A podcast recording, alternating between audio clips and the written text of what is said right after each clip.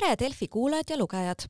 alustame järjekordse erisaatega ja mina olen Delfi toimetaja Karoliina Vasli.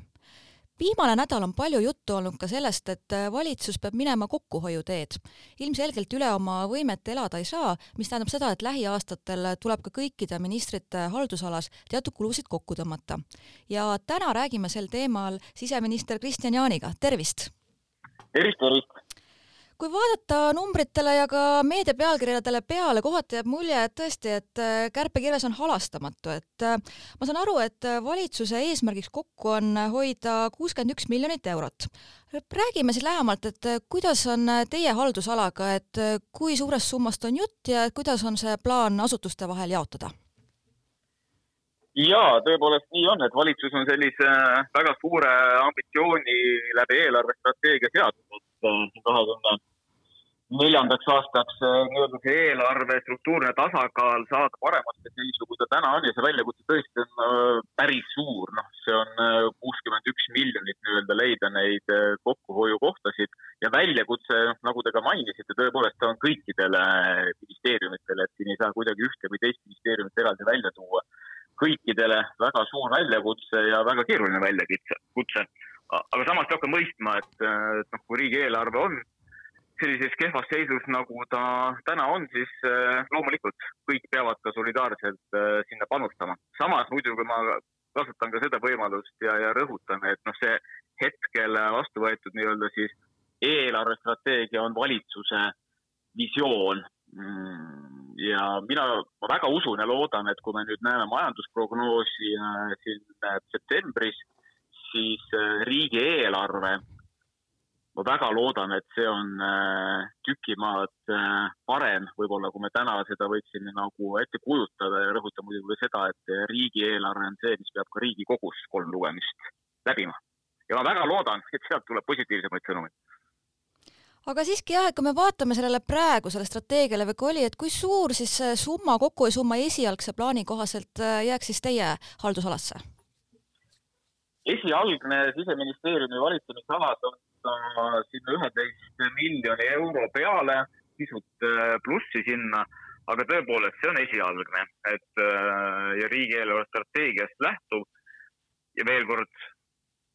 usun ka neid spetsialiste, kes ütleb, et äh, majandus ikkagi hakkab meil jõudsalt kasvama ja, ja see eelarveprognoos sügisel on ehk parem, aga üksteist miljonit on väga suur väljakutse kindlasti kohe mitte ainult siseministeeriumile, vaid kõikidele teistele ka, kes oma nii-öelda sellise solidaarse kokkuhoiu eesmärgi visiooni on endale saanud. ja, ja tõepoolest, keeruline see kindlasti olema saab, samas äh, noh, selliseid äh, kokkuhoiu otsimisi tegelikult ju äh, haldusalades viiakse läbi igapäevaselt. loomulikult numbrid on täiesti erinevad, et üks asi on otsida sellist kokkuhoiukohta sisemiste optimeerimiste arvelt ja suunata see raha nii-öelda haldusalas võib-olla nii-öelda noh, sisemiselt kuskile teise kohta. Antud juhul on ju eesmärk see, et äh, selle optimeerimise tulemusel äh, nii-öelda paraneb küll riigieelarve strateegia, aga noh, sisemiselt seda raha nagu kasutada ei saa ma natuke lugesin ka teie varasemaid intervjuud, jäi siin ka silma, et Päevalehes Kärt Anveltilt olite rääkinud, et teie eesmärk ka oli sinna läbirääkimistele minnes, et just ikkagi eesliini töötajate eest seista, et mis ise arvate, et kas õnnestus see või ikkagi selline ulatuslik kärbe võib ka otseselt puudutada neid, et eriti kui räägime just siin politseist ja päästjatest? loomulikult, ega jätkuvalt äh, see visioon, äh, mis oli minu nii-öelda taotlustes, mis puudutasid siis riigieelarve strateegiat nägi ju ette see, et äh, siseturvalisuse selline miinimumpalk äh, oleks aastaks äh, kakskümmend viis, üks koma kaks Eesti keskmisest palgast, mis oleks tähendanud seda, et noh, näiteks politseinik või päästetöötaja, päästeteenistuja, kes tuleb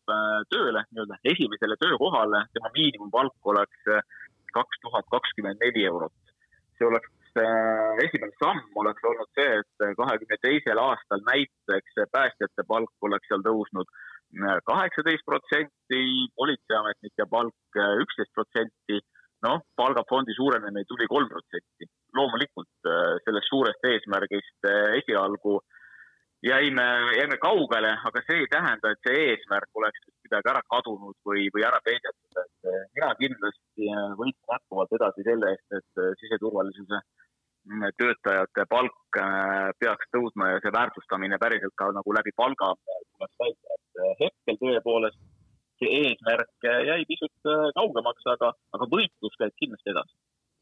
olete ise väga kaua varasemalt ka politseis töötanud ja noh, nüüd meil siin meedias käis nädalavahetusel läbi üks Elmar Vaheri kiri töötajatele, kus oli ka juttu, et võib-olla peab ka personalikulude kallale minema, et kuidas te ka kõrvalt vaatate, kas ja kuidas politsei organisatsioon, organisatsiooni sees säästa annaks, et vähemasti praegu on räägitud noh, ka jälle esialgne plaan, et kuus koma üks miljonit eurot, mis on väga suur summa summa on väga suur ja veel kord äh, kõikidel ministeeriumitel on need summad suured, et äh, lihtsalt siseministeeriumi haldusala on väga suur, väga palju inimesi ja eelarve on suurem ja järelikult ka osakaal nii-öelda numbrina on, on suur. ja siin tuleb rõhutada ka seda, et kuna me täna otsime seda arvestuslikku kokkuhoidu äh, jooksvate tegevuskulude pealt, siis ka ministeeriumite nii-öelda need tegevuskulude osakaalud on, on ka erinevad nüüd see kuus koma üks miljonit, et veel kord, need on, need on väga esialgsed ja, ja asutuste juhid äh, siseministeeriumis äh, on esialgselt sellise ülesande saanud, et vaadata sisse ja mõelda ja eks me omavahel hakkame nagu arutlema, et kustkohast oleks võimalik selliseid äh, kokkuhoide paari järgmise aasta jooksul leida. ei ole kindlasti lihtne. olen loomulikult erinevaid selliseid kokkuhoiu hoidmise protsesse läbi teinud ka politseinikuna ja, ja politseijuhina ja see on alati äh, väga suur väljakutse. kus need lahendused võivad tulla, on äh, päris mitmeid variante tegelikult. Äh, osad on lihtsamad, osad on keerulisemad. noh, ma ei tea, ühtepidi on võimalik nii-öelda politseinike, aga ka päästjate kindlasti koormust vähendada läbi selle, et inimesed ise hakkavad käituma õiguskuulekamalt näiteks või ennetavalt, et kui ma toon siia äh, näiteks meie siseturvalisuse arengukava uuem kuni kahe tuhande kolmekümnenda aastani, siis seal on ka üks suur visioon see, et eh, inimesed ise nii-öelda käituvad kogu aeg säästlikumalt, eks ole, et siin annab inimeste enda ennetav käitumine mingisuguse tulemuse politseinike, päästjate kõva ennetustöö läbi see näiteks võib ka vähendada see, et politseiametnikel või päästjatel seda koormust nagu vähendatakse. või võtame mingisugused õigusloomelised küsimused kasvõi seeläbi, et noh, hästi lihtne näide küll, aga ma toon ta siit välja, et äh, Äh, nii-öelda varalise kahjuga liiklusõnnetustele politseipoolne reageerimine. et äh, täna ju need diskussioonid käivad äh, ja oleme nii-öelda piloodina ka alustanud seda,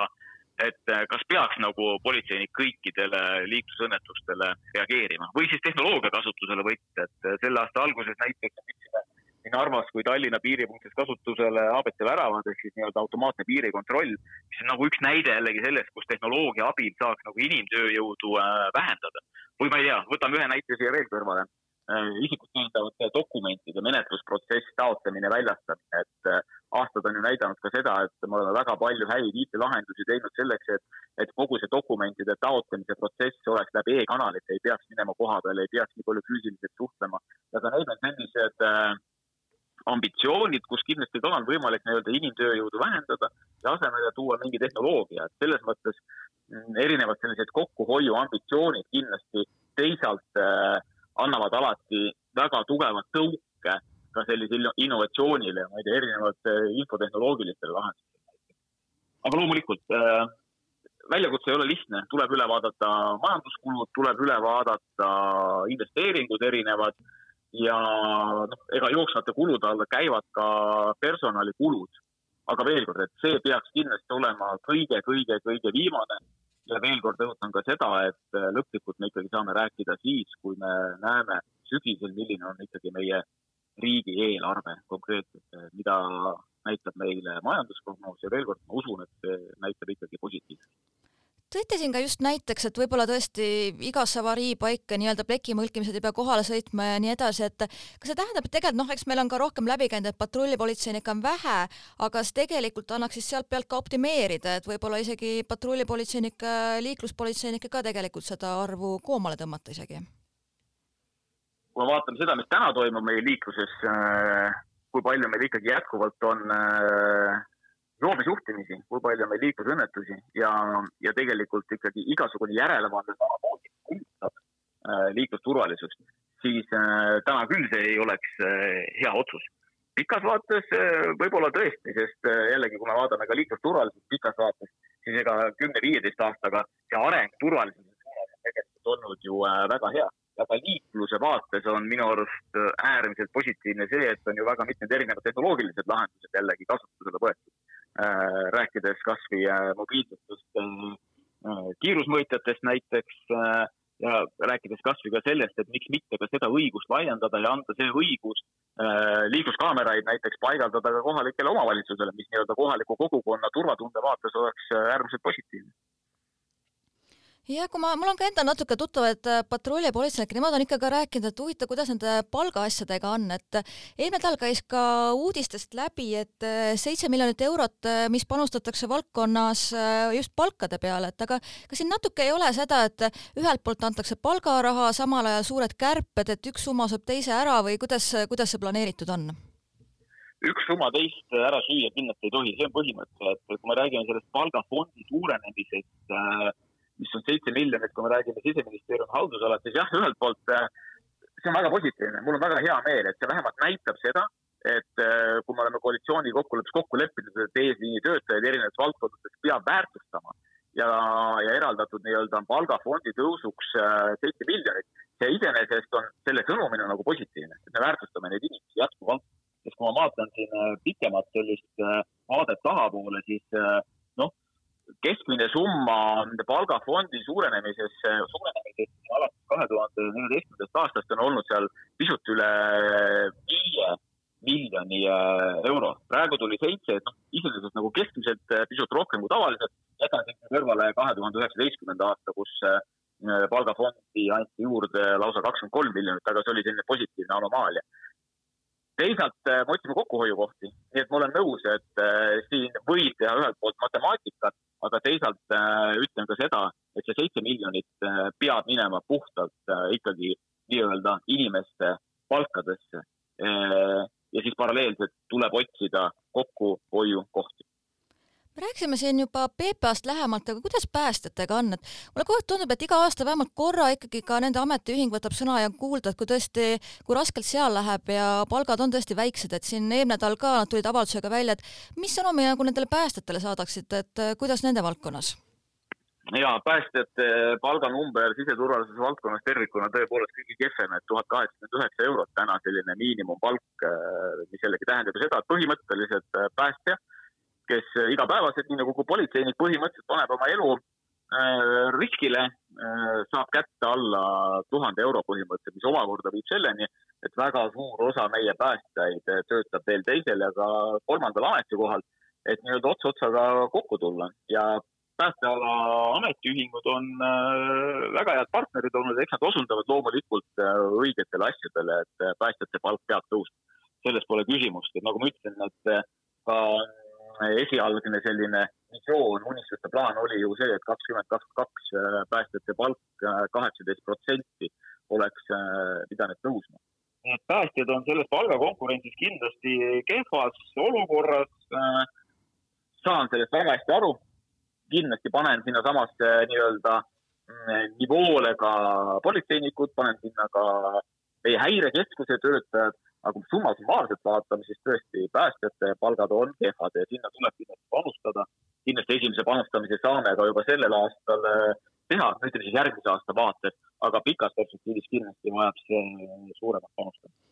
kui ma vaatasin ka nendele numbritele otsa, et jah, et seal politseil noh, esialgse plaani järgi oli veidi üle kuue miljoni ja päästel kaks koma neli miljonit, et see ka peegeldab, et ega seal päästest noh, annab kärpida, aga kuskil tuleb sein ette, et, et kvaliteetset teenust pakkuda, et ei saa ka lõputult seal kärpida.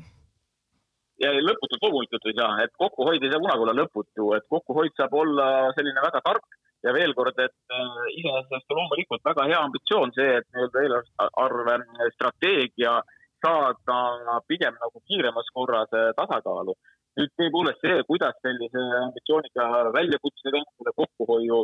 nii-öelda ülesandega hakkama saada, eks siin on äh, jällegi, et hetkel on äh, asutuse juhid nii-öelda esialgsed noh, ülesanded on tal kätte saanud ja eks me siin nüüd maikuu jooksul kindlasti esimesed arutelud läbi viime ja vaatame, kust ja kuidas on siis võimalik selliseid tarkasid kokkuhoiukohti tegemas, aga inimeste turvatunne, turvalisus loomulikult, eh, see on äärmiselt oluline. ei tohi see väheneda ja ei tohi ka eesliini enda töötajate nii-öelda turvatunne väheneda kui meil on siin palju suurtest äh, kärbetest juttu, siis selle taustal küsiks ka, et äh, kuidas meil piiriehitusega, et äh, kas see ikkagi on plaanitud kulgema nii, nagu oli mõeldud ja et kaks tuhat kakskümmend kuus ka kogu maismaapiir välja ehitatud või võib praeguses majanduslikus olukorras ka riik seal natuke korrektiive teha? ei ole, see, mis on nüüd seotud meie idapiiri väljaehitusega, siis seal me liigume täpselt nii edasi, nagu on esialgselt planeeritud olnud et see, need summad, mis on piiriehituseks eraldatud sihtotstarbelisse äh, reservi, siis äh, need summad on samasugused ja, ja töö väga aktiivselt äh, idapiiri väljaehitusel käib. hetkel oleme seal Võrumaal reaalselt ehitamas, juba oleme projekteerimas järgmist piirilõiku. nii et selles osas läheb täpselt nii, oli algselt planeeritud jah, siin ka veel nii-öelda lõpupoole positiivse noodina küsiski, et kas veel mingeid selliseid suuremaid investeeringuid ka valdkonnas veel siin lähiaastatel plaanis on, et lisaks kokkuhoiukohtadele, et siiski ikkagi ju me kõik tahame innovaatilised olla ja edasi minna? no iseenesest ju äh, kinnisvaraprojektid erinevad äh, on äh, väga positiivsed, et äh, me nüüd ju praegu äh, valitsuses võtsime ka riigieelarve strateegia vaates vastu selle otsuse, et äh, me pisut varem alustame äh, Sisekaitseakadeemia täiendava ühiselamu ehitusega, mis on iseenesest äh, positiivne, et noored äh, kolleegid, kes tulevad tööle, saavad ka õpingu ajal tõepoolest nagu inimväärsetes äh, tingimustes elada. Ähm, Hundipea sadama väljaehitamine, rekonstrueerimine järgmise aasta vaates väga positiivne, väga kaua aega oodatud tegevus, mis nii-öelda iseenesest hoiab kokku terve riigi vaates nagu kaimeetrite äh, numbrid, läbi selle ka nagu hoiu, äh, kokkuhoiukoht kindlasti. Süsta sadama saab maha jätta, Süsta sadama saab realiseerida, näiteks äh, maha müüa, kindlasti selline ühekordne tulu riigile. Või rääkimata siis ka sellest, et siseministeeriumi peamaja kolimise plaan siis vanalinnast Ühendministeeriumi hoonesse Suur-Ameerika tänaval, mis nagu üürikulude vaates, pikas vaates, sellest hetkest, kui kolimine on, on ka niisugune pool miljonit, peaaegu pool miljonit äh, kokkuhoidu. nii et selliseid äh, kinnisvara vaates ja pikas vaates investeerimisotsuseid, mis nagu said otsuse investeerimise, ütleme siis rahalise otsuse, on tegelikult väga positiivne. näiteks ka siia juurde see tuua, et äh, konkreetne otsus edasi minna nii Tallinna Politsei- ja Piirivalveameti majade kolimisega nii-öelda siis tänastest üüripindade pealt äh, Rahumäele, kuhu siis ehitada nii-öelda konkreetsed RKS-ile kuuluvad pinnad ja ka Tartu peamaja kolimine üüripinna pealt nii-öelda omaenda pinna peale ja seal siis äh, projekteerimiseks äh, ette nähtud summade eraldamine on äärmiselt positiivne, väga mitmeid aastaid oodatud otsus, kolm pool miljonit, see on ka kindlasti positiivne. Jällegi, mis ta annab, eks ta annabki jällegi ju ka eesliini töötajatele paremad töötamistingimused, see on ka kindlasti positiivne ja veel küsiks ka teie enda plaanist, et nüüd on äh, sada päeva on ka täis valitsusel ametist, et kui ise ka peaksite ennast hindama, et mis nagu, mis nagu hinde paneks seniselt tööle, et äh, muidugi ennast on raske hinnata, aga siiski. alati saab kõike paremini, kordades paremini teha, nii et äh, mina annan sellise hinnangu, et ma olen nagu alati arvanud see, et ei ole olemas sellist täiuslikkust või, või, või mingit punkti, kust enam paremini ei saa, et kõike saab paremini teha, et et need eesmärgid, mis ma endale seadsin nii-öelda saja päeva osas äh, valitsuse tasandil või Riigikogu tasandil teha, siis tõepoolest need on nagu ära tehtud. see on meeskonnatöö olnud, et ma ei ole ka kunagi ennast pidanud väga individualistiks. aga kõiki asju saab alati paremini teha, et äh, selles olen ma nagu täiesti kindel kui meeskonnatööst, et äh, vaatasin, et siin ERR-is äh, Keskerakonna peasekretär Andre Hanimägi, Hanimägi ikka kutsus üles ka erakonnaga liituma, et kuidas selle poliitkarjääri poolega on, et kas plaanite lähiajal Keskerakonnaga liituda või pigem sihuke oma rida jääda ajada? Ega lõpetuseni oma rida ajada ei saa ja ega siiamaani ei ole ka väga oma rida ajatud, et ega olles minister, siis ei ole väga ja olles konkreetse erakonna minister ja olles konkreetses valitsuskoalitsioonis, siis väga keeruline on äh, ajada kuidagi oma rida. Mm, nii et äh, loomulikult äh, ma olen ju ka alguses lubanud, et erakonnaga liitumine tuleb ja üldiselt ikkagi mina olen inimene, kes oma lubadustest peab kinni, lähiajal tuleb. Maikuu jooksul. Jätame meelde, aga igal juhul äh, suur aitäh tausta rääkimast ja jõudu-jaksu tegemistega ja jääme siis ootama, et mis siis ka sügisel ikkagi kivisse raiutatakse, raiutakse eelarves sel teemal. ma arvan ka, et see kogu selle eelneva jutuse võib-olla see kokkuvõttepunkt ikkagi peakski olema see, et hetkel arutelud kokkuhoiu osas, väljakutse on väga ambitsioonikas väga mõistlik on see tõepoolest, et eelarve saada tasakaalu, aga otsuseid hakkame ikkagi tegema alles siis, kui on sügisene eelarve vastuvõtmine, et, et see on see aeg, kui tuleb nagu reaalseid otsuseid teha. aga plaane tuleb teha ka praegu juba ja arutada ja mõelda, kuidas liikuda edasi sellises keskkonnas, nagu meil praegu on. aitäh ja aitäh ka kõigile Delfi kuulajatele kuulamast! Aitäh teile ja jõudu Delfile!